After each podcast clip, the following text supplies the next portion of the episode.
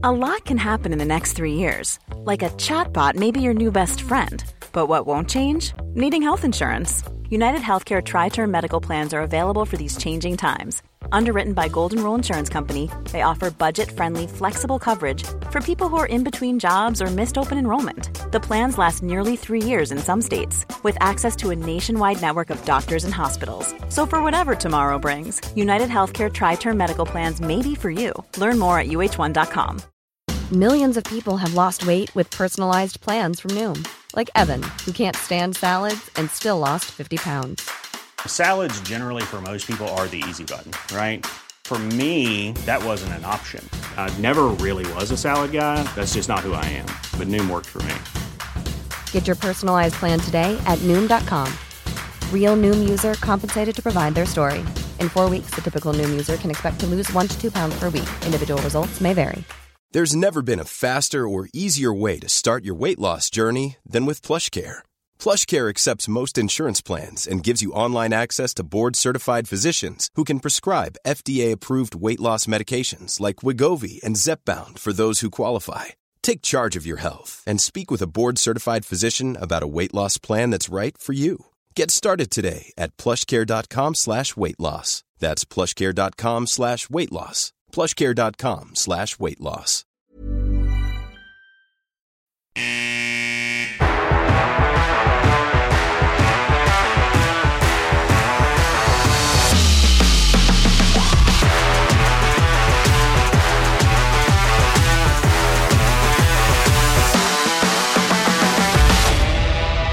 Ja, välkommen tillbaka gott folk. Det är söndag den 4 februari och jag och Jonas Ragnarsson har återigen återsamlats för att försöka summera ihop sena tidens hockey här i Jönköping. Ehm, vi kan väl säga att vi valde rätt tid att återsamlas eller kanske fel tid beroende på hur man ser det för HV gick verkligen på knock igår eh, mot Oskarshamn. Vi fick en vinst med 10-1 och en rekordbrytande kväll av André Pettersson. Jag själv var på plats. Eh, jag gissar att du möjligtvis satt framför tvn Jonas, eller vad säger du? Jag satt med eh, några koppar kaffe, ett gäng småkakor och körde någon form av liveblogg igår för att testa det lite. Så att nej men det var, vi pratade ju som vanligt lite innan här vi gick i sändning att det var ju skönt för ett par timmar att glömma allt. allt för där och det här laget ställer till för oss och bara få njuta under två timmar och ändå må bra. Så tänker jag det är så här andra supportrar till andra lag kan må. Uh, det är lite spännande att det kan vara så. Det är så här Färjestads fans har det ibland. Det är så här Luleå kan ha det ibland. När de ångar på det uppe i Norrbotten. Och jag är Växjös fans, ja kanske inte Växjö, de har väl inga fans på det sättet. Men uh, du förstår lite vad jag landar i här. Så att, uh, ja men det var skönt att få lite respit från det här, den här vandringen i dödsskuggans dal som vi håller på med. Ja, jag har gått lite hela veckan. För vi, vi har ju ändå bestämt sedan några dagar tillbaka att vi skulle spela in idag söndag. Um, och jag har väl egentligen gått och tänkt lite hela veckan i vad sjutton ska man säga för någonting? Va, vad ska man komma till för slutsats egentligen? Um, det här som vi ville kalla ödesveckan denna veckan, som vi kom in på lite senare, um, har ju pekat på allt annat än positivt egentligen. Och på ett sätt blev väl körschemat ganska enkelt då inför. Eh, det är väl bara att sitta här och gråta och skrika och få ångest tillsammans. Ehm, men det liksom tyckte HV att vi skulle ändra på igår och försökte röra upp vårt körschema. Men eh, det är väl ganska positivt. Ehm, så vi får väl ta och egentligen gå in på det senare. Ja men lite så är det Jag vet inte. jag har ju lite mässkontakt med vissa här och det är ju Patrik Strand och framförallt min gode vän och jag vet själv att jag skrev i torsdags efter ännu en av dessa bedrövliga bortamatcher att nej du Patrik nu ger jag upp. nu orkar jag inte längre. Varför utsätter jag mig för det här? Och nu har jag kommit in i det där stadiet att nu är jag irriterad för att jag är irriterad. Att jag engagerar mig i det här laget, att jag på ett sätt intellektuellt sett vet att det inte är så, men att det känns som att jag och du och många andra bryr sig mer om laget än vad spelarna själva gör. Och då får man så här, det blir en sån twist i huvudet att det går ett varv till. Att eh, det är nu jag ska börja knyppla eller sjunga kör eller göra någonting annat bara. Så att nej, det, det, det, det är som det är liksom. Men vi får, vi får ta det härifrån helt enkelt. Men då jag tänkte så här Karl, innan vi drar igång ordentligt här. Har du haft eh, någon idol när du växte upp? Eh, ja du, absolut har jag det. Eh, bara snabbt när jag sitter och tänker nu så är det, det är så otroligt mycket, många namn som kommer upp. Eh, om man ska välja eh, det känns ju fel att inte välja ett hockeyrelaterat. Så om jag skulle säga något hockeyrelaterat så Eh, uh, HV-relaterat skulle jag säga Eric Christensen, absolut. Uh, om jag skulle säga hockey generellt så skulle jag nog välja uh, Känns tråkigt att säga Kane och sådana här alltså, men uh, jag har alltid gillat folk som är liksom lite underifrån, lite sådana spelare som inte uppskattas lika mycket. Oj, jag är ju ett Blue, Blue Jackets-fan så jag får väl ta och säga Rick Nash kanske i sådana fall. Och om jag inte skulle säga hockey så får jag nog säga, jag gillar alltid Kaká när han spelade fotboll. Eh, hans tid i Milan och så vidare. Så att det finns några att välja på. Eh, vad är dina idoler Jonas, gissar att du vill veta då? Vad fina namn du rabblade upp där ändå, det får jag ändå ge dig. Nej, men jag, jag, är ju en generation äldre än vad du är. Eh, när det gäller HV så vet ju alla nu vid det här laget är ju Esa Keskinen såklart.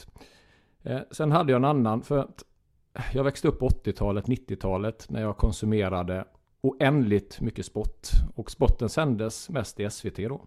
Det var de stora mästerskapen och kungen av kungarna det var ju Arne Hegerfors. Jag vill inbilla mig att jag, jag ville vara Arne Hegerfors när jag var liten. Jag sprang runt och spelade landbandy och kommenterade själv samtidigt. ja det är nördigt, jag vet det, men jag har inte påstått något annat heller. Och han gick ju bort här tidigare i veckan och det var nästan så att det började fuktas lite i ögonvrån. För det blev så mycket minnen från barndomen. Så att det var lite att Arne var lite som en som en vän som man inte kände. Han var alltid där. Liksom det var Hockey-VM 87, Bengt-Åke Gustafsson. Se vad stark han är när han kom in i zon där. Och sen var det EM 92, Brolin, Dalin, Brolin. Vilket mål! Fullständigt enastående. Så det relaterar alla de här stora sportögonblicken till hans röst på något sätt. Så att eh, jag påstår att ni för er yngre så är väl Tänk Lasse Granqvist idag då. Det var vår Det var Arne Hegfors på vår tid upphöjt till 10. För det var, fanns ingen konkurrens. Det var Arne som körde. Och eh, jag säger så här, den tajmingen och den närvaron han hade när han eh, refererade och kommenterade, det var totalt världsklass. Så jag säger bara vila i frid Arne. Ja, eh, jag är väl lite för ung för att ha hört Arne så mycket eh, när han faktiskt var aktiv. Eh, men däremot har jag sett en hel del filmer med honom från när jag var yngre. Eh, jag kommer ihåg jag fick en, en film av mina föräldrar. Det var eh, fotbollsvärldens 100 mest kända mål på en DVD som jag kunde sitta och plöja när vi satt och bilade ner i Europa. Eh, en otroligt, otroligt bra film såklart för att inte bara fick man se eh, alla världens mest kändaste mål men man fick också höra en av de bästa referatörerna, vad man kan säga, kommentatorerna. Eh, man glömmer aldrig bort den här rösten som Arne kunde ha. Som kunde säga allt ifrån eh, Raduchoj. Vilken tavla. Det är så otroligt monoton på något sätt, men det finns ändå någon slags otrolig värme i det. Och tysken för bollen framåt. Eh, det är mycket känslor som ligger bakom Arnes kommentering och han kommer jag heller aldrig glömma. Nej, du har ju VM 86 när Maradona kör slalom genom Englands eh, försvar där. Och han avslutar med Diego Armando Maradona. Det, och det var sådana VM-krönikor. Man kunde sitta på den här VHS-bandet och spela fram och tillbaka, fram och tillbaka och lyssna på det här. Och ja, det är magiskt på något sätt. Det är väl lite annorlunda, lite annorlunda från de argenti, argentinska kommentatorerna som kommenterar det här målet. Där det, Diego Armando, Armando, Armando, gol, gol, gol, gol, gol, gol, gol, gol, gol. Är istället Diego Armando Maradona. Lite skillnad. Och det var väl något mål, jag tror det var Sverige gjorde 3-3 mot Tjeckoslovakien i hockey-VM 87. Då skrek han högt och då bad han genast med ursäkt för det. Att, och förlåt att jag höjde rösten. det, var, det var en lite annan skola på den tiden. Men det är väldigt, väldigt vackert. Men du, Karl. Första riktiga körschemat här på punkten är läget i truppen. Jag säger så här att sen vi spelade in senast har eh, Fredrik Dickov, den danske målvakten, signat ett tvåårskontrakt. Vad har du för tankar om detta? Eh, det kändes som att detta var en ganska intressant diskussion som låg och pyrde lite inför. För att vad som känns ganska klart är att eh, Ortio kommer nog inte vara kvar efter säsongen. Inte vad jag tänker i alla fall. Uh, har inte varit speciellt stabil den här säsongen och kommer upp lite till åren och har säkert en ganska, ett ganska stort lönekuvert. Som eh, jag tror inte HV är så sugna på att lasta mycket längre till. Uh, men det förde ju då fram frågan hur det ska bli med Dickov, om man ska behöva ta in en eller två målvakter till. Och säg att Dickov skulle bli kvar, som han nu blev då. Uh, är det som första spade eller som andra spade? För han har ju ändå visat väldigt, väldigt lovande siffror och prestationer under de matcher han faktiskt stått. Uh, däremot är det ganska få matcher han har fått stå. Um, jag tänker lite så här att om det är en första spade så har, visst det finns ju potential men det är ganska riskabelt. Vågar man gå in ytterligare en säsong med en lite mer osäker målvakt? Um, och frågan jag ställer mig om det blir en andra spade uh, eh, är om han själv köper det efter prestationen han har gjort. Samt att vad som händer med Olof Glyfford och Noah Eliden om Dickov är tänkt att vara andra spade om man plockar in en ny första. För att det är ändå två målvakter som är väldigt lovande och gjort det väldigt bra i 20 och egentligen under hela deras juniorsession. Eh, Eliden kommer säkert få se lite JVM-spel framöver, är jag väldigt övertygad om. Och kanske till och med Glifford, vem vet. Eh, men det som jag ställer frågan då är om man gör en ny Adam Åhman situation. Där Visst, nu lånades ju Adam Åhman ut till Oskarshamn under hans juniortid och gjorde det väldigt, väldigt bra, men fick aldrig någon riktig chans i HV. Oavs trots att han hade väldigt bra prestationer och att det fanns öppningar. Eh, I slutändan så ser vi Adam Åhman idag i Växjö Lakers och gör det otroligt bra. Där han får dela 50-50 i stort sett med Emil Armi. Fast Emil Armi är kanske mer man, den man går med när det är verkligen viktiga lägen. Um, det är egentligen det jag ställer mig frågan, trots att Fredrik, jag är väldigt glad för att Fredrik Dickov är kvar, för att han har varit väldigt bra. Så jag är glad, men ställer även lite frågetecken. Och hur ställer du dig till dessa frågetecken, Jonas? Ja, men det är intressant. Först tycker jag det var en pigg eh, förlängning, att man ganska agerar ganska snabbt. Och jag tror väl också att det finns någonting i att han eh, har spelat så bra. Att det finns någonting där med att han får återförenas med sin gamla målvaktstränare. Eh, sen är det kanske att klubbarna går mer mot det här man pratar 50-50 fördelning i matcher. Sen vet jag ju att HV var väl lite rykte i Söderström i Skellefteå nu. Det snackas ju om att det är klart att han stannar där. Och Söderström Dickov hade väl varit den ultimata lösningen. Då tänker jag 50-50, 60-40 någonting sådär. Då är vi nog rätt på det. Eh, sen har jag svårt jag vet inte om man vågar gå med Dickov plus en av junisarna där. Det känns kanske lite, lite svajigt tänker jag.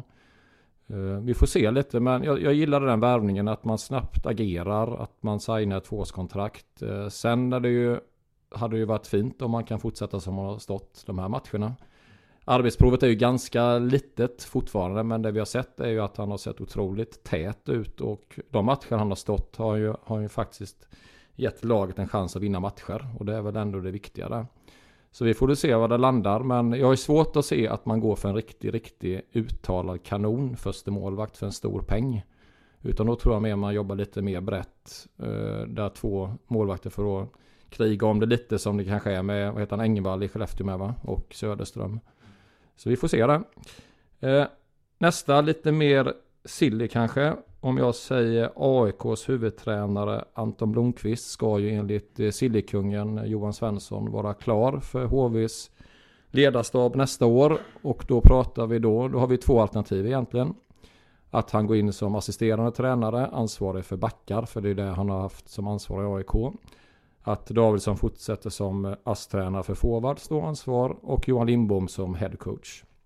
Det är det första alternativet. Det andra alternativet skulle vara att Blomqvist efter att ha marinerats då i allsvenskan i en storstadsklubb, inget, inget storlag men en storstadsklubb med allt vad det innebär. Att han får ta steget upp direkt som headcoach. Johan Lindbom återvänder till kontorstjänst som någon form av klubbdirektör slash GM kanske. Och att Pelle G fortsätter och Johan Davidsson fortsätter. Vad, vad tror du att vi landar här någonstans Karl? Um, jag tycker det är ett väldigt intressant namn som eh, jag tror har varit uppe på tapeten ganska många gånger förut. Uh, framförallt uh, när vi tittade på vad som skulle komma in inför denna säsongen. Uh, där var kanske lite mer Karl Helmersson aktuell. Mannen som just nu är i Västerås. Um, men det känns som att det alltid varit ett namn, liksom till exempel Martin Felander som haft lite HV skrivet på ryggen tillsammans med Niklas Eriksson och en rad andra tränare också. Ehm, jag tycker det är ett intressant namn. Ehm, jag vet inte om jag blir, jag blir ganska påverkad av Montén-situationen nu där man blir direkt taggarna utåt spänd när man tar in ett eh, ganska icke-rutinerat. Han har varit i AIK ganska länge men det är ändå ett icke-rutinerat namn när det kommer till SHL-kretsarna. Och det är det som jag känner ger mig lite taggarna utåt när det gäller det här ett fantastiskt namn som skulle vara bra om vi skulle varit i allsvenskan fortfarande. Då tycker jag jättebra och jag tycker därför att det är jättebra att enligt eh, Johan Svensson, Mr Madhawk, så gäller det här kontraktet även om vi skulle åka ur. Inte att vi ska prata om det nu, men det är ändå skönt att veta att det är han i sådana fall som skulle vara där ifall vi hamnar i allsvenskan nästa år.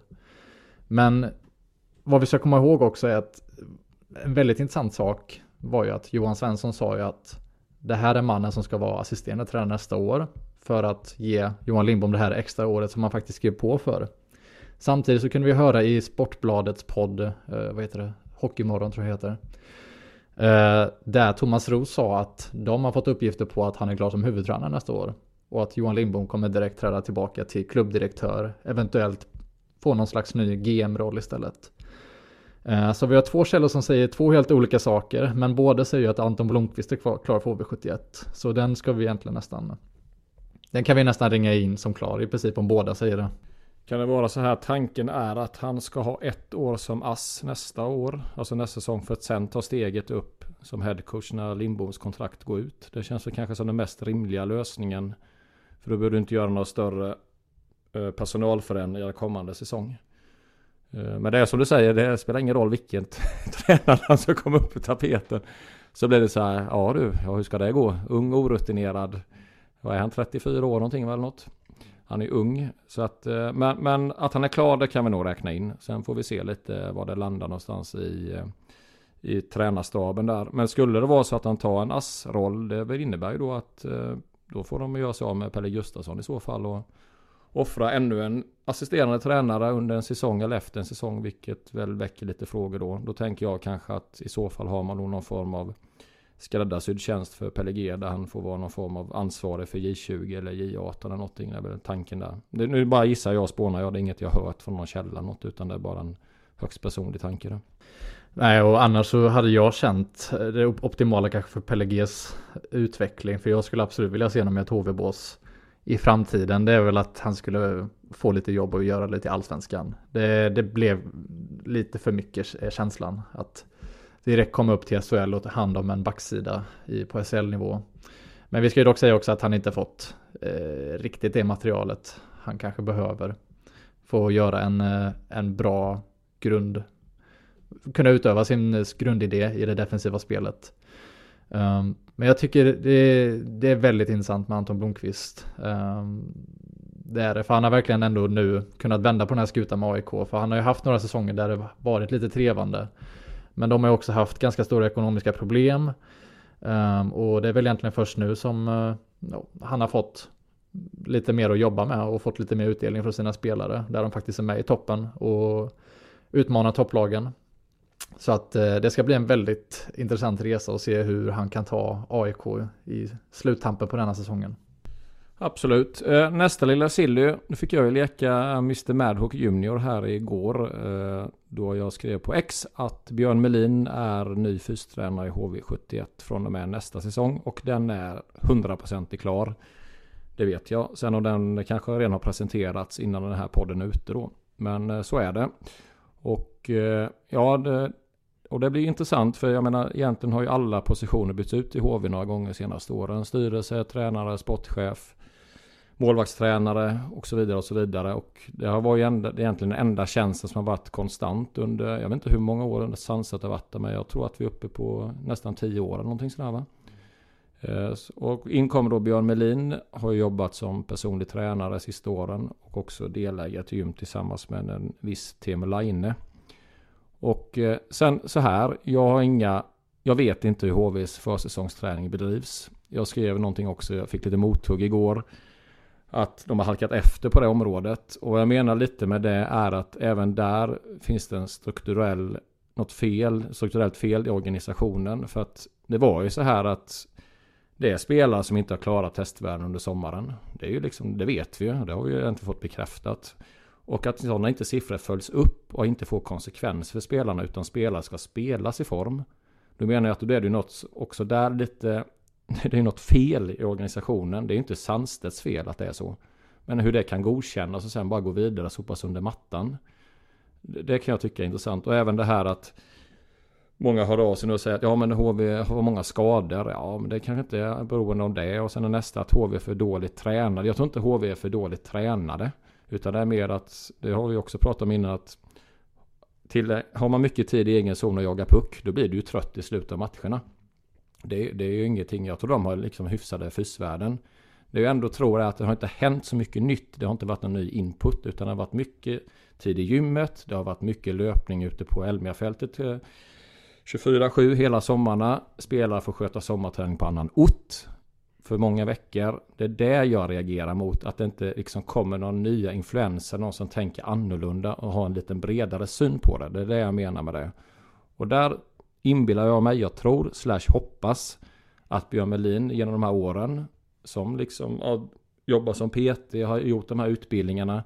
Att han då kan komma in med nya infallsvinklar på hur en försäsong ska bedrivas. Det, det, är min take på det hela.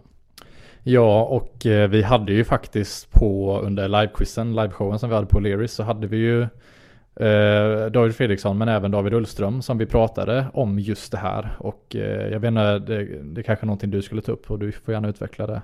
Men eh, han, David Ullström såg ju upp det att eh, individuell träning är den moderna träningen när det kommer till hockeyn. Vi alla har olika kroppar. Det tror jag vi alla vet, eller hur?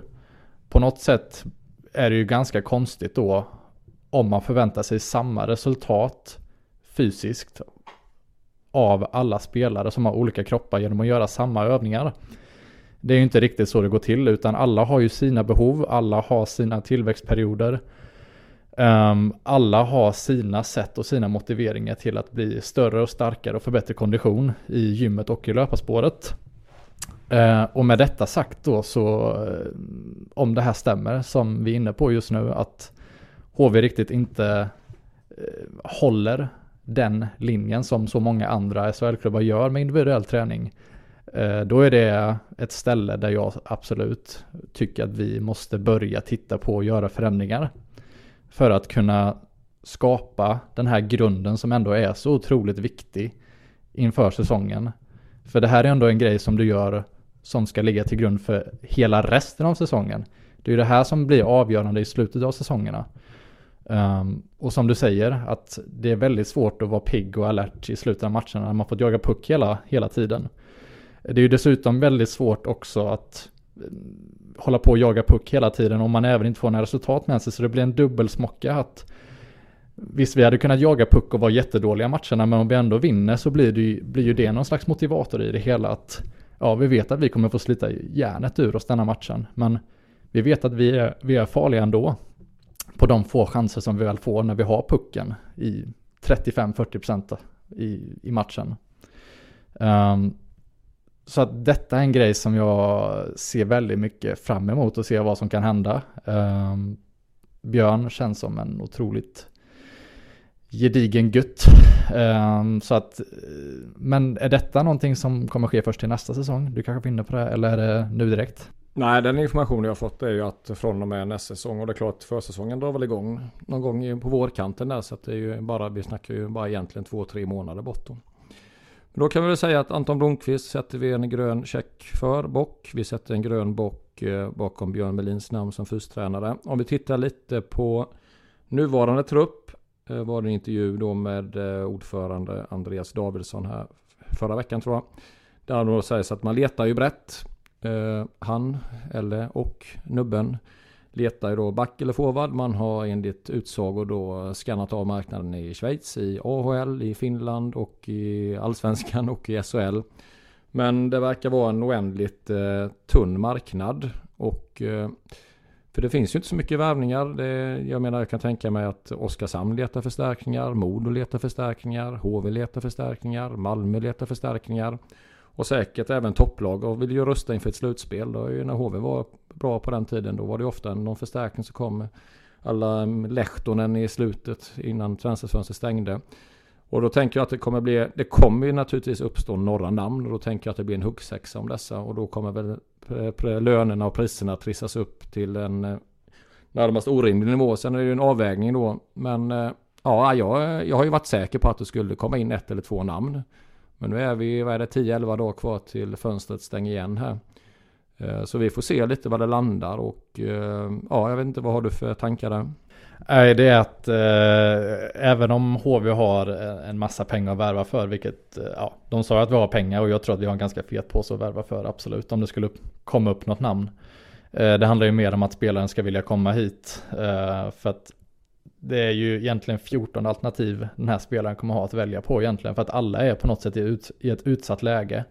Och det är väldigt jämnt dessutom. Så att eh, det finns positioner att ta genom att förbättra sin trupp nu. Trots att det bara är 10-12 matcher kvar av säsongen. Eh, men, och det vi ska säga är ju att de här sämre spelarna som det ändå kommer vara när de kommer ut på marknaden. Det blir väldigt dyrt om man ska ta in de här spelarna som du är inne på. Eh, Oskarshamn tog ju in en Marcus Nenonen från finska ligan som är Ja, det är väl lika trubbigt som namnet egentligen säger. Um, och Örebro har tagit in en Danik Martell. Uh, där kanske vissa utav er, jag vet inte om du har sett det här Jonas, men Mattias Persson på Örnsköldsviks uh, tidning, numera Hockey News, får vi gratulera, gratulera Mattias. Um, kom ut med uppgiften om att den här Danik Martell som har gjort, spelat 39 matcher och, och gjort 23 poäng i finska ligan, en forward, kommer resterande av säsongen tjäna 150 000 dollar. Det vill säga en och en halv till 1,8 miljoner kronor egentligen. Uh, och då är det inte ens inräknat uh, de sociala avgifterna. Så att någonstans går vi där upp till över 2 miljoner i alla fall. Um, om man tänker så här då, om vi ser tillbaka till att HV tog in Nick Shore och uppgifter kom ut om att han skulle tjäna ungefär 2,8 miljoner kronor, men vi ändå skulle få ut sex månader utav, utav honom. För samma peng igen nästintill så får Örebro en Danik Martell i ungefär 10-12 matcher som gjort 23 poäng i finska ligan. Och vi har Nick Shore som har gjort typ 23 poäng på 28-29 matcher. Det, den har ju utvecklat sig väldigt bra, kan man ju minst sagt säga. Eh, men jag skulle väl ändå, jag är lite kluven där om hur HV skulle göra egentligen, om det skulle uppstå namn. För att vi har ju ändå en ganska bred, eh, bred trupp. Det är ju definitivt backar vi skulle ha in i sådana fall. Forwards är jag lite mer lugn med. Bara vi löser det defensiva och har stabila backar så, så eh, känner jag mig inte jättepanikartad när det gäller det. Nej, det är ju som du säger, vi kan väl ta det backsidan där. Eh, Seppele har ju diskbrock. Nu är inte jag någon läkare eller doktor, men jag har svårt att tänka mig att man kan mirakulöst tillfriskna från det och kunna spela hockey på elitnivå inom ett par veckor. Och eh, ja, alltså vi satt ju och pratade om det här i veckan. Eh, HVs backsida just nu då när då har ändå Fransson exploderat och varit otroligt bra. Nu har han varit avstängd. Att vi sitter där egentligen med Nadella Strålman som får då bada istid och sen plocka ihop resterna av det. Där det ser väldigt, väldigt stökigt ut och eh, det är klart att men nu, jag kan inbilla mig att HV har jagat en back i en månads tid ungefär. Så att jag, ju mer man tänker på det, jag har svårt att se att det kommer dyka upp något. Utan det kanske är den här befintliga truppen man får gå in med då. Eller om man hittar någon back i allsvenskan. Som man då får köpa loss dyrt eller hyra. På något sätt eller ett lån. Som då kanske mer avlastning sjunde back eller gå in liksom och döda några minuter. Det är kanske där vi landar till slut. Ja, en sån grej. Jag, jag, kanske är eh, arrogant när jag säger det på det här sättet. Men det, det, känns ju som att borde vi inte kunna skicka en del juniorer och få tillbaka lite mer etablerade hockeyallsvenska spelare. Det borde ju vara väldigt attraktivt för dem egentligen. Om man bara tittar till hur bra till exempel Viktor Sjöholm var i Södertälje och Hugo Fransson var i eh, eh, Nybro dessutom. Ehm, det känns som att, för jag menar vi har en hel del bra backar som kommer upp. Jag säger, att, jag säger inte att vi necessärt ska ta någon från ehm, um, J20 bara direkt och skicka ner, men kanske Axel Landén, varför skulle inte han kunna skicka, skicka ner egentligen? Han har ju gjort det väldigt bra i HV, men på något sätt känns det kanske som att vi behöver in något lite mer stabilare och att det inte ska behöva hänga på en 05 Axel Landén som gör sin första säsong i HV, som egentligen inte skulle vara här. Ehm, men det är bara en Ah, en, en liten tanke jag har. Eh, det är ju kanske så till och med att de inte ens vill släppa några backar från Hockeyallsvenskan. I alla fall inte några som är bra nog för att HV skulle vilja ta in heller. Det var ju lite snack om att en Simon Åkerström skulle komma in från Tingsryd där, som Mr. Maddock rapporterade. Men um, om inte den gått igenom till nu, med tanke på att det är ändå Tingsryd vi har att göra med, så känns det som att det kanske inte kommer gå igenom alls. Um, men det återstår att se hur det utvecklar sig. Um, det finns ju ändå 10-11 dagar kvar på fönstret och det kanske öppnar upp sig lite grann. Men som vi var inne på så kommer det bli en riktig huggsexa om det. Det kanske blir så att alla vi bottenlag där kör med befintliga trupper så blir det ju ett head-to-head race med helt jämna förutsättningar där inte plånboken avgör. Det hade väl kanske varit uppfriskande på ett sätt också.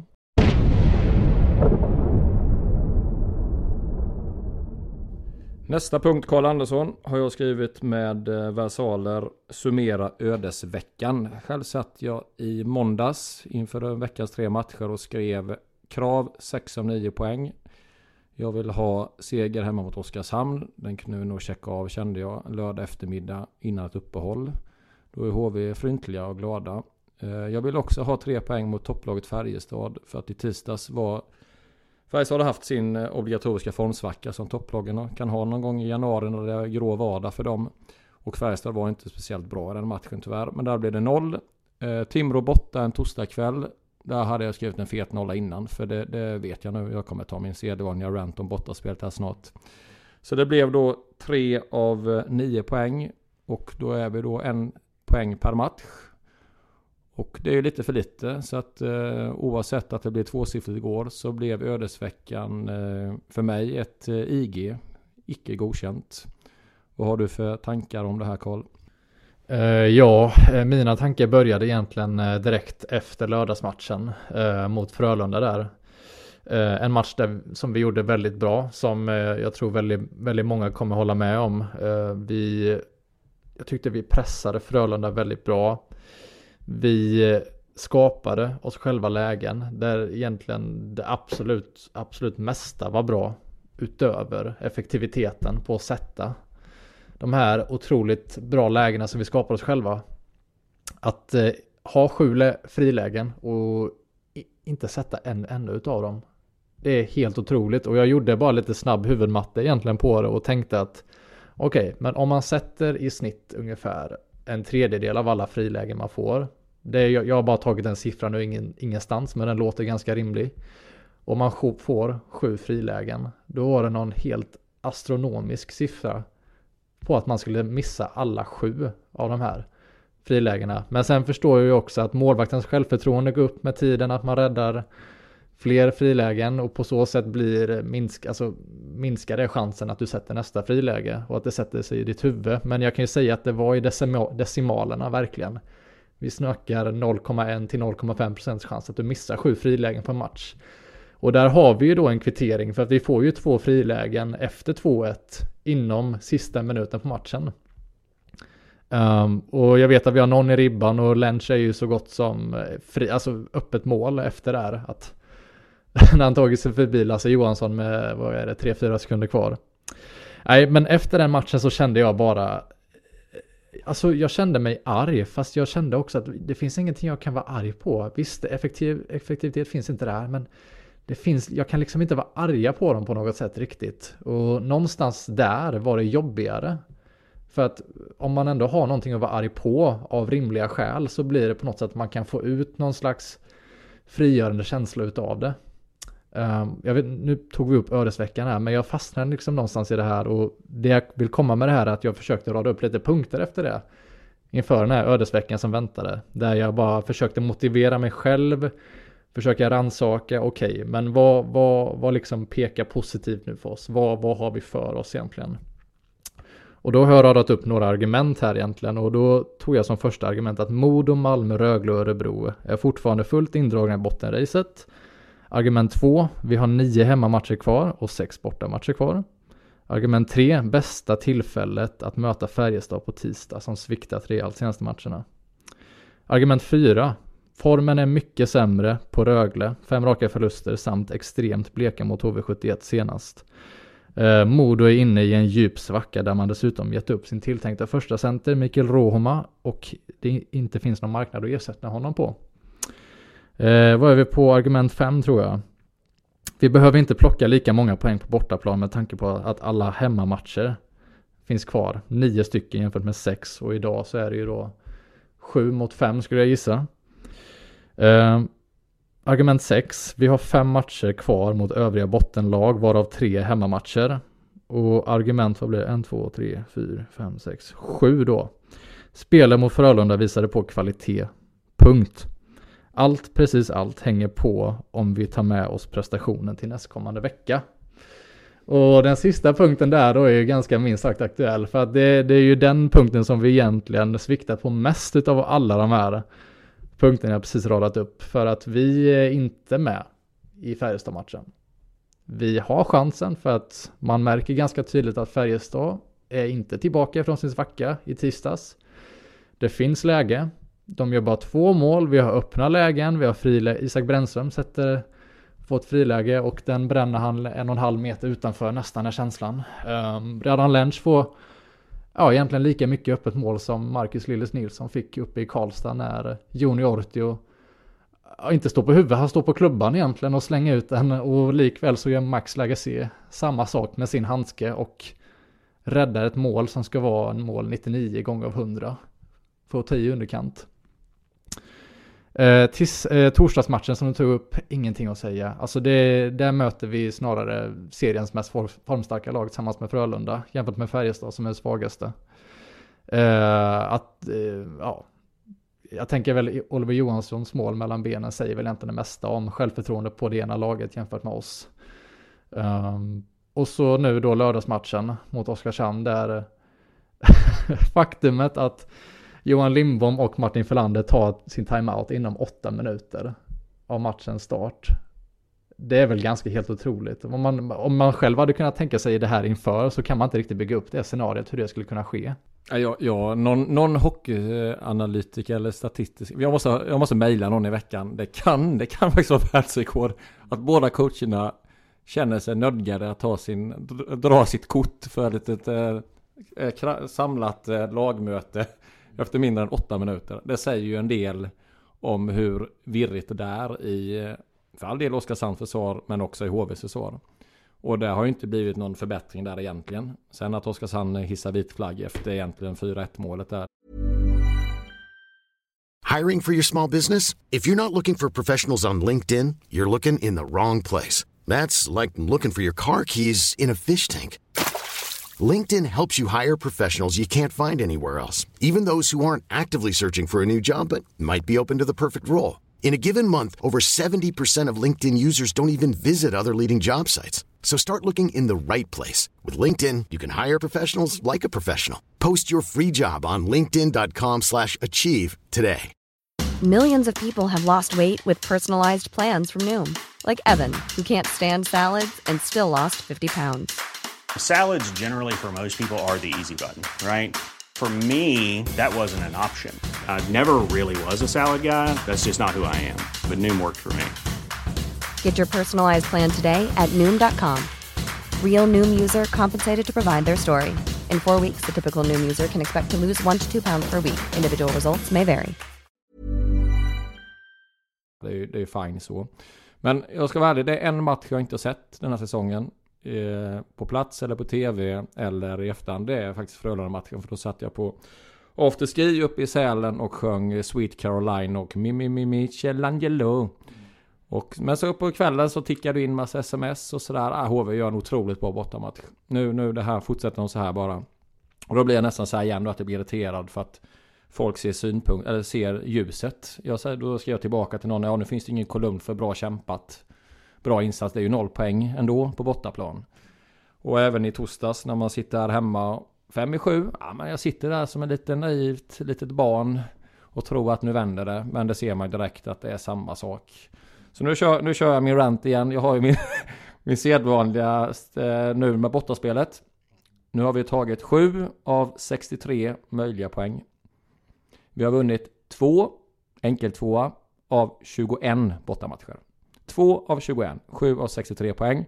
Det ger då ett poängsnitt på enorma 0,33 poäng per match. Och jag har sagt det innan och säger det igen. Det är något som händer när den här vita tröjan åker på. De blir så små och ynkliga. Så jag, jag vill påstå att jag har känt mig så liten en gång. Det var när jag drog ett vårdarskott i, under min eh, tid som eh, en barmigt dålig soldat på Eksjö garnisons eh, skjutfält. Eh, någon övning man glömmer göra patronur och smäller till och en kapten kommer fram till mig och skriker Vem var det? Och jag svarar med så här ynklig röst och nu är jag HVs bortaspel. 31-13 Ragnarsson. Så är HV. Så fort de sätter sig på buss till bortamatch. Och jag ställde en så här retorisk fråga till dig innan vi gick i sändning. Så här. Det skulle kunna vara så. Så att HV kanske tar. De vinner en bortamatch till. Då skulle man vinna då 3 av 26. Kan man då rent teoretiskt egentligen ha två lag efter sig i en tabell? Det är en ganska filosofisk fråga man kan fundera på. Om man kan åka runt och förlora en hel säsong på bortaplan och ändå på något sätt lyckas ta de poängen. Ja, där är jag lite så här. Eh, ja, där är jag. Går det verkligen? Nej, du var ju inne på världsrekord. Det känns som att det måste finnas något där också. Eh, jag vet ju, jag minns ju att Djurgården hade en liknande säsong. Eh, när de var uppe i SHL för några säsonger sedan. Då hade de, och jag minns inte om de hade tagit 16 raka hemmamatcher tror jag. Och de slog, jag vet inte om de bara slog klubbrekord eller om det var SHL-rekord eh, för elitserien också. Men det, det är ju helt fantastiskt. Eh, det känns konstigt att säga fantastiskt i de här sammanhangen. Men det är helt fantastiskt eh, imponerande ur en negativ bemärkelse. Hur, eh, hur detta kan liksom få ske egentligen. För jag, tänk, jag, jag, kan liksom inte undkomma den här känslan av att du spelar ju på något sätt med ingen som helst press. Du ska bara vara på de, de, alltså en annans hemmaplan inför deras nära och kära och förstöra för dem. Det är en helt annan grej tänker jag om jag skulle skrina in i Huskvarna Garden med alla mina nära och kära som sitter och tittar, inte bara i arenan men som tittar hem, hemma ifrån tv och folk som folk har lagt pengar på dig. Um, jag fattar liksom inte hur man inte kan spela med mer axlar ner. Hur man inte kan ta sig an den känslan mer att vi har ingen press här.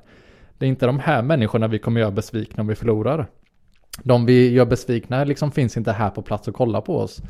Men eh, jag vet inte, det, jag kanske är unik eller eh, så har vi bara ett väldigt unikt omklädningsrum som inte alls eh, kan sympatisera med de här känslorna som jag har.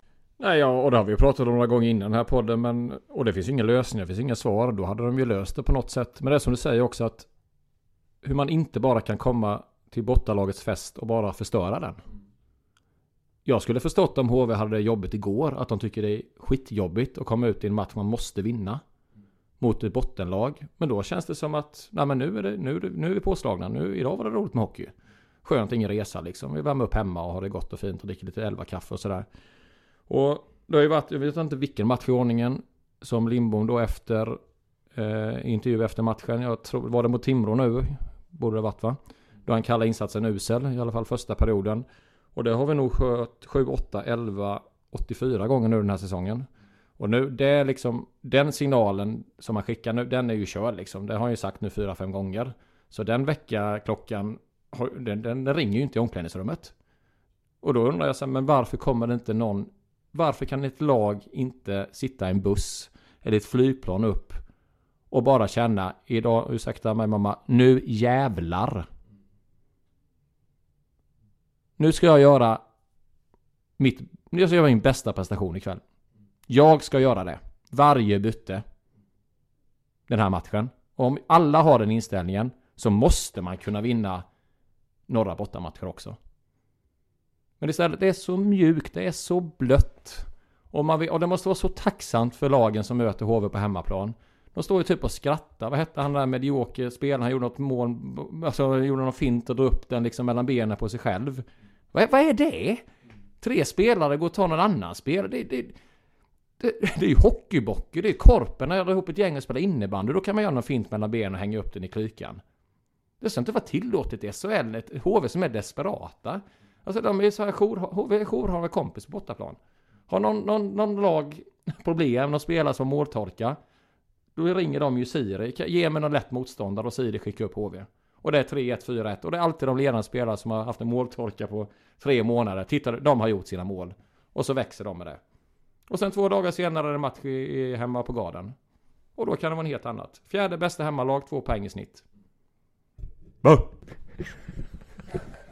Jag ska säga för de som lyssnar att det här, det, det, det, är inte bara, om ni njuter och blir lite skrämda av att sitta och lyssna på det här, då ska ni bara veta hur det är att sitta i samma rum som den här mannen just nu. Det är en ilsken Jonas Ragnarsson, men det är, jag förstår honom och jag köper det till fullt ut. Och jag tänker att de flesta som lyssnar på det här köper det också. Men det, eh, jag såg en ganska rolig bild faktiskt i samband med det där Oliver Johansson målet i Timrå alltså. För det, det var någon som hade lagt ut en bild eh, där man skulle räkna hur många HV-spelare tittar på puck. Och då såg man ju inte bara fyra, fem spelare. Jonas räknar med fingrarna här nu synligt så. Då kunde vi inte bara räkna tre, fyra, fem spelare på banan utan vi kunde ju även börja räkna på bänken alla som tittade på eh, tittade på pucken. Eh, men det var ingen som tittade på Viktor Sjöholm, gick och markerade Molgan mitt i egen zon. Eh, nu snodde jag ditt Molgan-referens bara så du, om du märkte det. Det är helt okej. Okay. Det finns alltid läge till att referera till Molgan i alla former av, av poddar och bloggar. Det, det, är fint någonstans. Ja, nu gick jag igång här kände jag. Men var det, nu känner jag bara att dricka lite kaffe eller något. Var det ödesveckan? Är vi klara här eller? Så jag får andas lite och ta lite vatten. Jag får be om ursäkt där Karl om jag skrämde dig med mitt... Eh, jag blir så upprörd ibland. Vad hette, vad hette han junisen sa du som fick leka McDavid? Vad hette han? Johansson? Ludvig? Nej? Oliver Johansson. Oliver Johansson. Ja. Ja, det är stort. Ja, jag har andats, tagit lite kaffe, jag har tagit eh, min lugnande medicin här nu. Eh, nästa punkt som vi har skrivit ner här har vi skrivit eh, framtid. Vi kommer ta framtiden, den kortsiktiga med matcherna som är kvar och vad vi tror om det. Men också nubbens framtid är väl alltid en liten het potatis där vi naturligtvis inte har några klara svar. Det jag ändå lite reagerat över när man kollar runt och kollar med lite källor till höger och vänster är att och det här är min känsla, det är det lilla pusslet jag har lagt. Att det känns ändå som att på något sätt att nubben har två kallade övervakare om man ska vara elak, bollplank om man ska vara snäll. I då ordförande Andreas Davidsson och headcoach Johan Lindbom. För att de var ju uppe här på ett möte och träffade då antar jag Anton Blomqvist uppe i Stockholm eller om det var Jaga Scout. Att det är då Andreas Davidsson som frontar det här i media och säger att de varit uppe i Stockholm och träffat de här personerna. Och då tänker jag lite så här att i vilken annan klubb eller förening har en ordförande eh, det liksom att kunna vara med på de här mötena. Ska den personen överhuvudtaget styra den form av verksamhet? Har inte han lite mer övergripande tankar om hur den dagliga verksamheten ska bedrivas på ett, i, i styrelserum och sådär? Ska han verkligen vara och liksom vara grotta, grotta ner sig i den sportsliga verksamheten? Det, det tror jag inte något annat lag har på agendan. Eh, sen om det är bra eller dåligt, jag, jag blir mest förvånad över att det är så. Och det är väl lite den känslan man får också att det är inte så att eh, nubben är jätteverksam ute i media nu heller. Han har ju haft en otroligt låg profil eh, sista månaderna. Och det är ju också så att Davidsson kommer ju lämna sin plats som ordförande efter den här säsongen. Sitta kvar i styrelsen.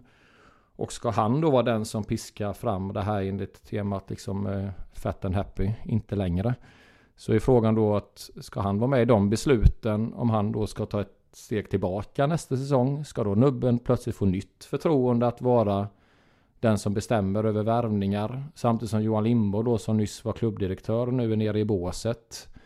Jag, jag får ingen riktig struktur på verksamheten riktigt där. Och det finns väl inga svar där men eh, bara förstår lite vad, att jag är lite förvirrad. Eh, jag förstår absolut och eh, jag kan inte annat säga än att jag går i lite samma tankar. Eh, vad som gör mig väldigt fundersam är att det inte sipprar ut mer om att HV skulle le om att HV letar ersättare kanske till nubben. Om det är nu så att man gör det. För det känns som en sån sak som kanske inte skulle kunna hålla så himla hemlig. Speciellt med tanke på att det rapporteras en hel del om att nubbens förtroende just nu är ganska rökt. Eh, att eh, inte mycket aktivitet görs kring nubben utan att Johan Lindbom eller Andreas Davidsson har koll på det eller har översyn med det. Eh, det gör mig liksom lite Ja, jag, jag, ska inte säga att jag är orolig eller så här, men jag, jag, tror att jag blir liksom lite fundersam till vad som faktiskt pågår i klubben just nu. Um, och speciellt också med tanke på att vi behöver ju ändå på något sätt förbereda oss inför nästa säsong.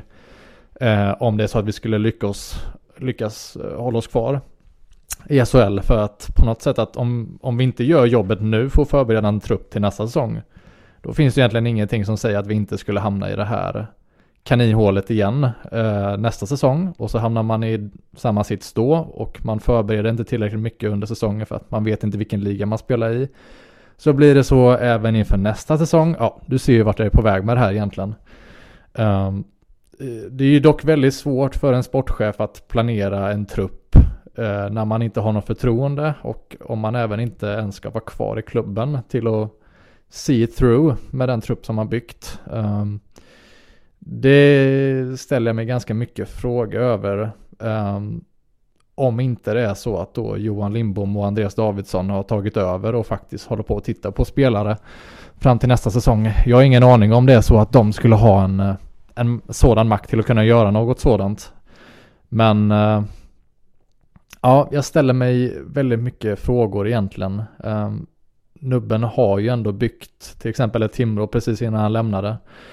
Eh, som var väldigt bra. Men samtidigt så hur, hur lätt är det, eller hur svårt är det att misslyckas när man lyckas ta in Anton Lander, Emil Pettersson, Jonathan Dahlén, Anton Vedin, Filip Hollander.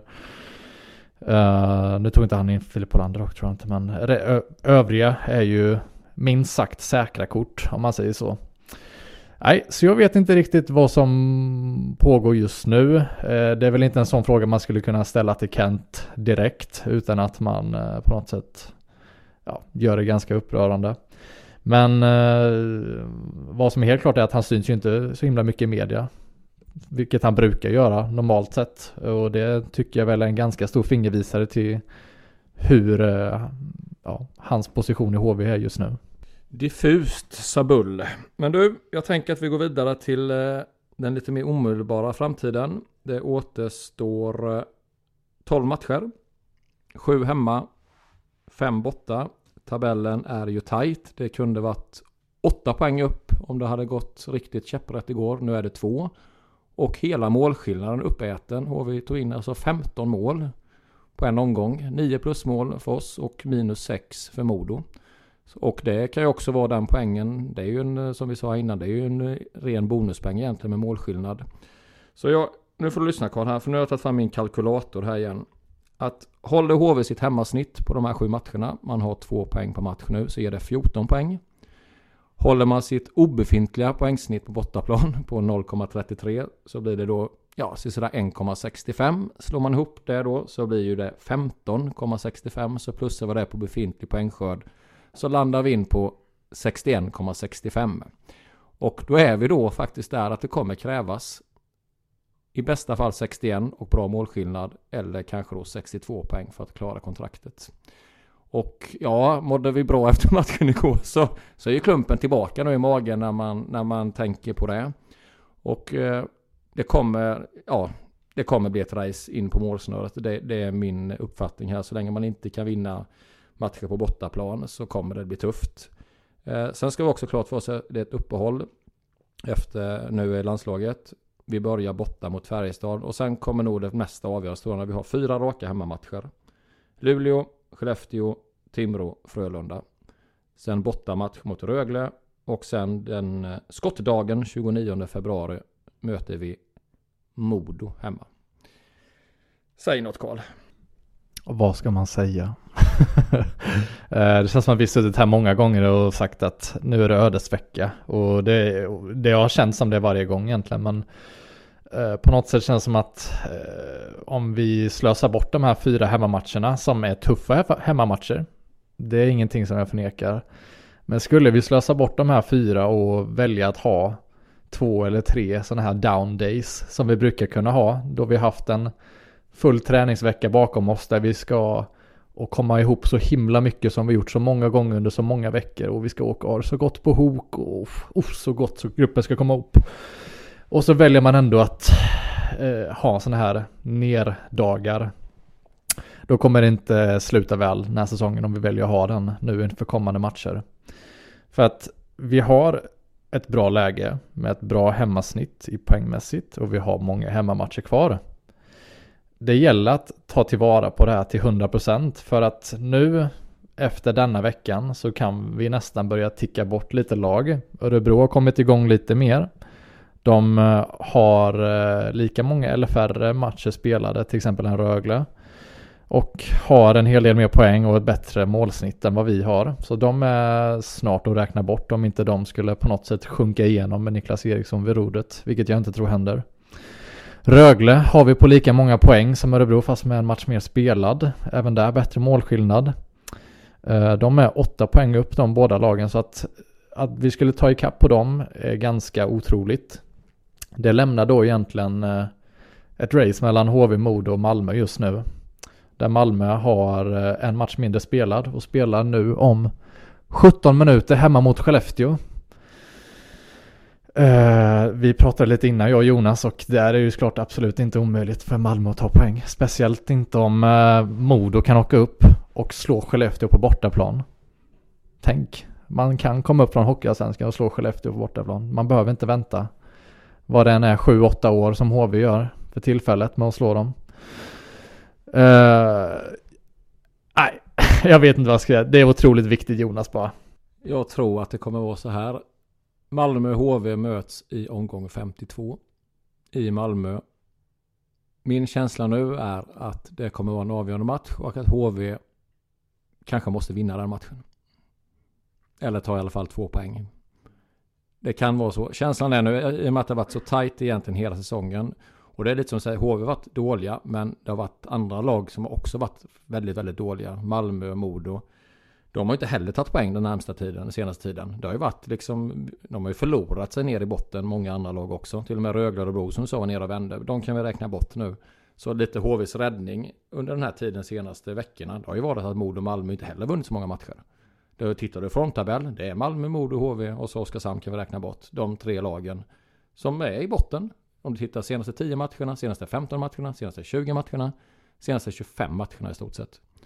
Och, där, och jag tror inte någon av de här lagen kommer komma in i någon streak där de helt plötsligt vinner fem raka treor. Det, det, det, finns inte den kompetensen, tror inte i trupperna. Så det kommer vara det här att man ligger och snittar på en, en poäng per match, 1,5. Och det kommer vara ett race hela vägen in på målsnöret. Det, det är den känslan jag har. Och det, ja. Har man mått dåligt under säsongen så kommer man nog inte må bättre här nu den senaste, senaste tiden. Sen är det ju faktiskt så att HV har ju varit under kvalstrecket sen omgång fyra i stort sett va? Man var uppe och vände omgång tre tror jag. Så har vi legat under strecket i över 30 matcher. Och då kan man vara rent cynisk. Varför skulle de inte ligga under det strecket till 52? När du mer eller mindre bott där nere i dyn sen säsongen började. Eh, ja, så att vi, vi kommer nog inte sitta avslappnade och känna att det är mellanmjölk och lite vardag här de närmsta veckorna. Utan det kommer vara fullt blås. Kan vara skönt nu när det är uppehåll nästa vecka känner jag för andras lite av att vara nästan en normalt fungerande människa. Ja, och det gör ju, som jag var lite inne på i början av podden, det gör det ju extremt svårt att navigera eh, vad man säger egentligen när man pratar ja egentligen både med er men med även folk som man eh, rör sig kring om i arenan för att eh, vi, nu sitter vi här i ett läge att en vinst för HV och en, vinst, en förlust för Modo innebär att vi kliver över strecket. Men när vi egentligen vet att förutsättningarna inför gårdagen i lördags var att om Modo vinner sin hemmamatch mot Färjestad, vilket var fullt rimligt med att de slog Skellefteå borta. Och om HV skulle förlorat hemma mot Oskarshamn, vilket var fullt rimligt med att vi förlorade mot Timrå senast. Då hade vi ju haft ett läge där vi var åtta poäng bakom och återigen, ja egentligen nio då för att vi hade ju kanske nästan 20 mål i skillnad i sådana fall på Modo. Och vi skulle kanske egentligen suttit här då och egentligen börja titta på Oskarshamn egentligen. Hur vi ska kunna slå dem över sju matcher. Um, så att det, det är ju speciella förhållanden vi har att jobba med nu och som du säger, de kommer inte bli bättre. Så att det är risk för mycket, ja, om man skulle betta så är det inte göra det nu för att det känns som att våra kappor kommer vända ganska många gånger nu framöver. Men eh, vi har ju inte perfekta förhållanden att jobba med, eller hur? Utan eh, vi får göra de ah, bästa gissningarna efter hjärtat, men även efter hjärnan som vi kan. Nej, som sagt, det, det här är nog ett 50-50 läge. Det är ett race mellan tre lag.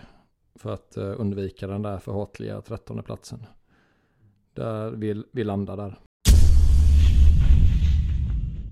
Uh, vi börjar närma oss slutet på avsnittet Jonas. Uh, men innan vi avslutar det här så tänkte jag att vi ska köra, ja, vi ska leka lite egentligen. Um, jag såg en väldigt rolig tävling som en viss Johan Ekberg på Värmlands Folkblad la ut härom häromdagen. När han hade intervjuat Gerion Dahlgren där han hade gett honom en utmaning att han skulle skapa han ska egentligen drafta lite SHL-spelare och bygga sitt fantasylag med. Ehm, och jag citerar tweeten direkt från nu så alla vet förhållandena som detta, denna tävling som även ni kan få göra och få, kan få skicka till oss. Vi kan lägga ut någonting på Twitter där ni kan få fästa era lag i tråden eller någonting. Alltså från Johan Ekberg, tävling. Eh, du är SHL-GM för en dag. Punkt 1. Du ska dela ut 12 femårskontrakt utan klausuler. Det vill säga att spelarna kan inte lämna för KL eller Schweiz och så vidare. Vi har dock däremot sagt här i podden att eh, spelare som exempelvis eh, Axel Sandin Pellika, eh, Noah Östlund kan, eh, bör vi inte ta för att det är ändå folk som kommer lämna för NHL och det är ju uppenbara blivande storspelare i NHL. Så att vi tar ändå spelare som ämnade för spel i Europa så blir det lite mer roligt. Eh, du ska alltså dela ut 12 eh, femårskontrakt utan klausuler, en målvakt, fyra backar, två centrar och fyra ytterforwards och en tränare. Uh, här kommer då kruxet för att nu tänkte ni wow, här ska jag bara plocka in hela Växjö och Färjestads lagbyggen och trycka in det i mina två lineups. Nej, det är inte okej. Okay. Du får max plocka en person från varje SHL-lag. Så plocka från 12 av 14 lag. Så att en spelare från varje lag och det blir alltså 12 lag med tanke på att det är 12 spelare du ska välja. Och eh, jag tänker så här Jonas att eh, du skulle kunna få börja med att ge mig eh, din headcoach samt första femma. Så tar jag min första femma, femma sen och så går vi vidare. Och så har du tränare först. Mm, då väljer jag, det får bli lite uteslutningsmetoden här för man får ju bara en från varje då. Där tar vi faktiskt eh, Kalin från Modo.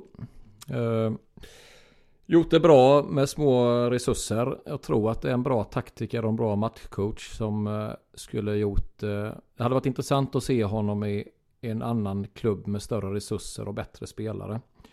Ska jag ta hela femman eller? Eh, I målet HV-spöket nummer ett, Högberg från klubben. På backsidan tar vi Joel Persson från Växjö. Tycker jag kanske är SHLs bästa back. Han får en spelare som kanske inte varit så bra den här säsongen i ett uselt lag. Men jag har tagit snack med Oskar Engsund så kommer han studsa tillbaka och bli lika bra som han var i Luleå.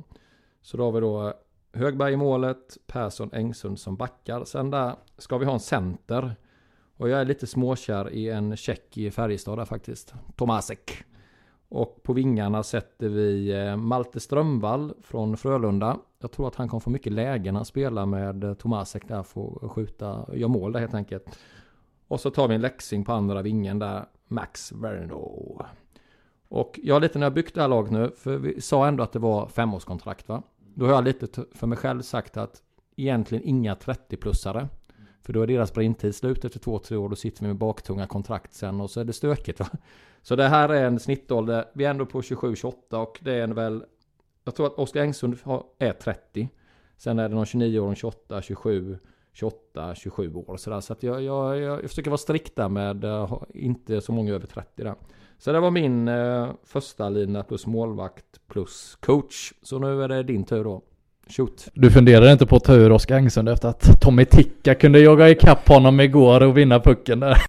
Jag tänkte faktiskt det idag, att det kan vara den blötaste försvarsinsats jag sett på länge när Tobbe Ticka, ja det, han flyttade ungefär som en så här, vad heter det, en pedagog på förskolan lyfte ett barn från sandlådan som gjort något elakt från, eh, mot kompisen Kalle. Det var liksom så, och där är pucken och där är mål. Men alltså, det, jag tror mer att han är, han är resultatet av att skulle vara en ledande spelare och kapten i ett uselt lag. För han var ju trots att i Luleå var han ju han var ju grym under många år där. Så att jag har sagt det, det är lite mentalt. Jag tar ett snack med honom där. Så jag studsar Engsund tillbaka där.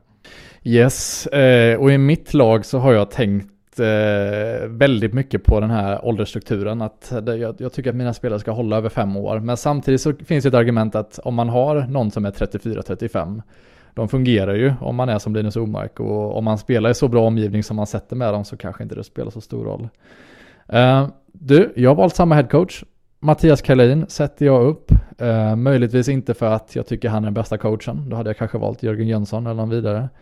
Men någon från Modo behövde komma in eh, och de har sviktat lite för mycket som lag för att jag ska ta in någon spelare där. Trots att det finns några intressanta val. Eh, målvakt har jag satt Linus Söderström tycker jag nästan har den högsta, högsta kapaciteten med Marcus Högberg och Emil Armi kanske.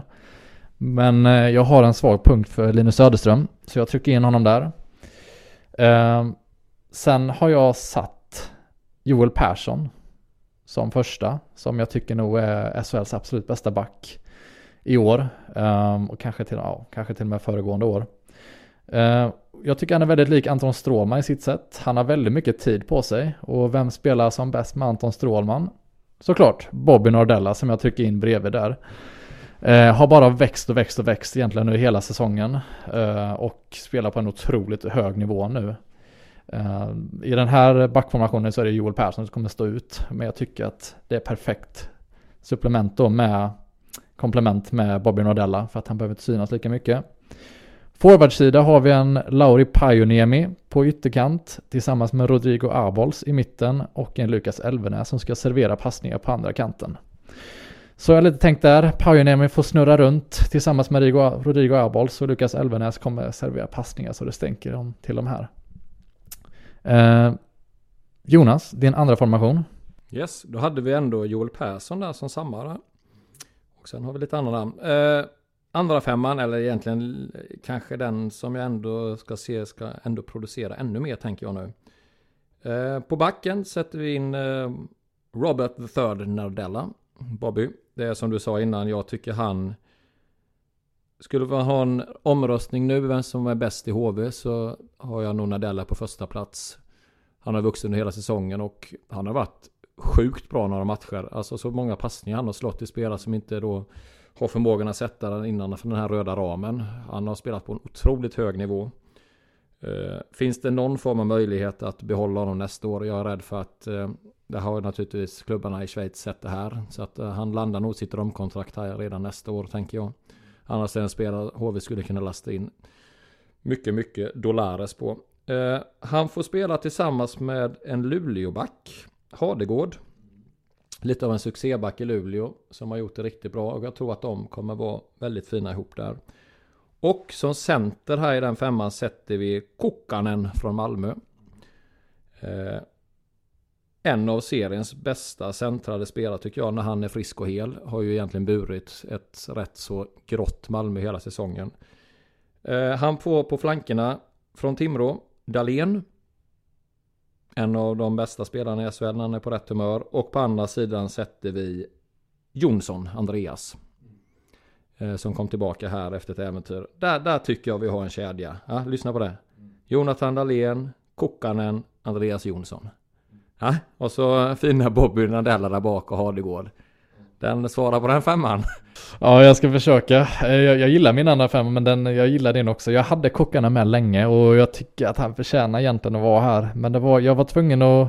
Jag gillar mina två centrar och jag använde ju redan Lauri Pajuniemi. Så jag tittade snabbt på Elite Prospects, kan jag trycka in kockarna som en ytterforward? Men han var bara center tyvärr så... Ja, ja. Men på min backplats i eh, min andra formation så har jag en Oskar Fanteberg som ska bära det mer defensiva och en till lite mer tyst supplement som alltid håller sin, eh, gör sin uppgift. Linus Högberg i Frölunda. Eh, jag har en forwardsformation där jag också har med Jonathan Dahlén som jag tycker kan bära spelet enormt. I, han har inte gjort det lika bra den säsongen som förra säsongen men det är ändå fem år som han ska vara här. Och med rätt kedja och rätt formationer så kommer han absolut hitta rätt. Sen har jag också med David Tomasek som alltid är ett skotthot från överallt egentligen. Men också kan vara pådrivande i offensiva spelet. Eh, och även servera passningar. Sen har jag en kille här som har blivit, ja, kanske ses lite som en flopp i år. En kille i Luleå. Uh, han är en del utav den här fantastiska duon för några år sedan som skulle komma tillbaka och vara frälsare och egentligen bära hela Luleå i år. Som inte riktigt blivit så. Men som jag sa innan, han har fem år på sig så det är inga problem. Vi pratar såklart om Pontus Andreasson som ska in där. Uh, nu kanske du börjar svettas lite och tänkte att jag skulle säga att jag skulle ha en 41-42-årig Linus Omark där istället, men icke sen icke. Det blir Pontus Andreasson. Um, så det, det var egentligen våra lag. Um, och vi vände oss utåt. Skapa era egna lag. Skicka dem till oss. Um, jag tycker det var en otroligt rolig uppgift egentligen att göra och få sitta och leka lite GMs. Ja, det är så lätt egentligen. Va? Det är bara att ta fram papper och penna och skriva ner. Hur svårt kan det vara? Ja, men hur skulle den här matchen... Jag tror att det blir, det blir 4-4. Vem har du som målvakt? Söderström. Då har vi Söderström. Då tänker jag att förlängning 3 mot 3 blir inget mål och så är det straffavgörande. Då är det frågan vem som är bäst av Söderström och Högberg där. Men vi, vi kvittar den och vi säger 3-3 där så är båda vinnare. Ja men skicka in några bidrag där så som vanligt vi slänger ut en trist till, till truppen vi, eller de, de femmorna vi tycker bäst. Var det det hela Karl? Jag tror det var det hela Jonas. Ja, jag, har, jag har en liten grej kvar bara. Eh, jag, jag har ju ibland i vissa sällskap lite quiz och sådär på lördagskvällar när man dricker lite hallonsaft och trevligt. Och jag avslutar ofta med en kategori som heter götelaborgare. Det är alltså någon form av putslustig ordvits för oss eh, som är över 40. Så skrockar man. Det kallas också lite hegefossare förr i tiden. Och det är ju lite aktuellt när vi knyter ihop säcken att vi börjar med en hyllning till fina Arne. Så att jag kommer med hjälp av jag tror han heter Kristoffer Nygren på X som var ute och hade lite roligt igår. Så jag kommer ställa tre göteborgare till dig som då är med HV-anknytning. Jag vill ha ett namn på HV-spelare. Så det här då. Och nu kommer jag ju prata lite Boske då för att få liksom rätt stämning då. Så här kommer då första frågan då. Vem i HV luktar bäst? Vem i HV luktar bäst? Eh, är det någon som spelar i dagens trupp? Får jag fråga det? Det är en aktuell spelare i årets trupp ja. Och jag gissar ju då att jag måste också lägga på Göteborgs accent för att det här ska make sense. Eh, är det är inte tråkigt om jag sitter och listar ut det? Jag, jag, jag vet inte, det är roligare om du säger det tänker jag. Oskar Tvål Lyrenäs. Nej, du skämtar. Du får en till då. Vem i HVs trupp är mest ekonomisk? Eh, oj, ja, men eh, det är säkert inte det, men jag kommer tänka snabbt på Osk, eh, Anton Stålman, Stålar. Det var, alltså det är nästan en pluspoäng. Men jag tänker mig Oskar Snål Lyrenäs. ja, vi, vi avslutar den sista nu. Nu sen lovar jag, sen är det slut. Eh, Vem i HV kan man tänka sig är bäst i bassängen? Eh, oj. Eh, ah, nej, jag vet inte. Jag, jag vet inte. Det kunde ju varit, komma på nu, Oskar Fisk är Möllgard. Men jag tänker mig Oskar Krål Lyrenäs. Krål Lyrenäs alltså. Det var det värsta. det var kul, alla var om Oskar dessutom. Ja, det blev väl Oskar special. Ja, men tack till eh, Nygren på X. Du, ja, du får en mössa eller något här. Fick vi skratta lite i slutet också. För jag var både arga, lite upprörda, besvikna, glada och fick vi hela känslospektrat här. Men vad, eh, innan vi slutar, vad, hette, vad hette han nu i Timrå där sa du, som gjorde något? Vad hette? Oliver McDavid Johansson. Glöm aldrig det. Eh, Du fick, till, du fick ju till och med in eh, Eksjö-regemente. Ja, ja. Det, Vi, vi jobbar brett. Vi tar livet på stort och smått. Eh, ha det gott alla där ute. Vi finns på X, på Instagram och på andra kanaler där hör av er om det är något ni undrar. Så hörs vi inom kort igen. Väl mått, väl mått, väl gott. Tack och hej. tack och hej.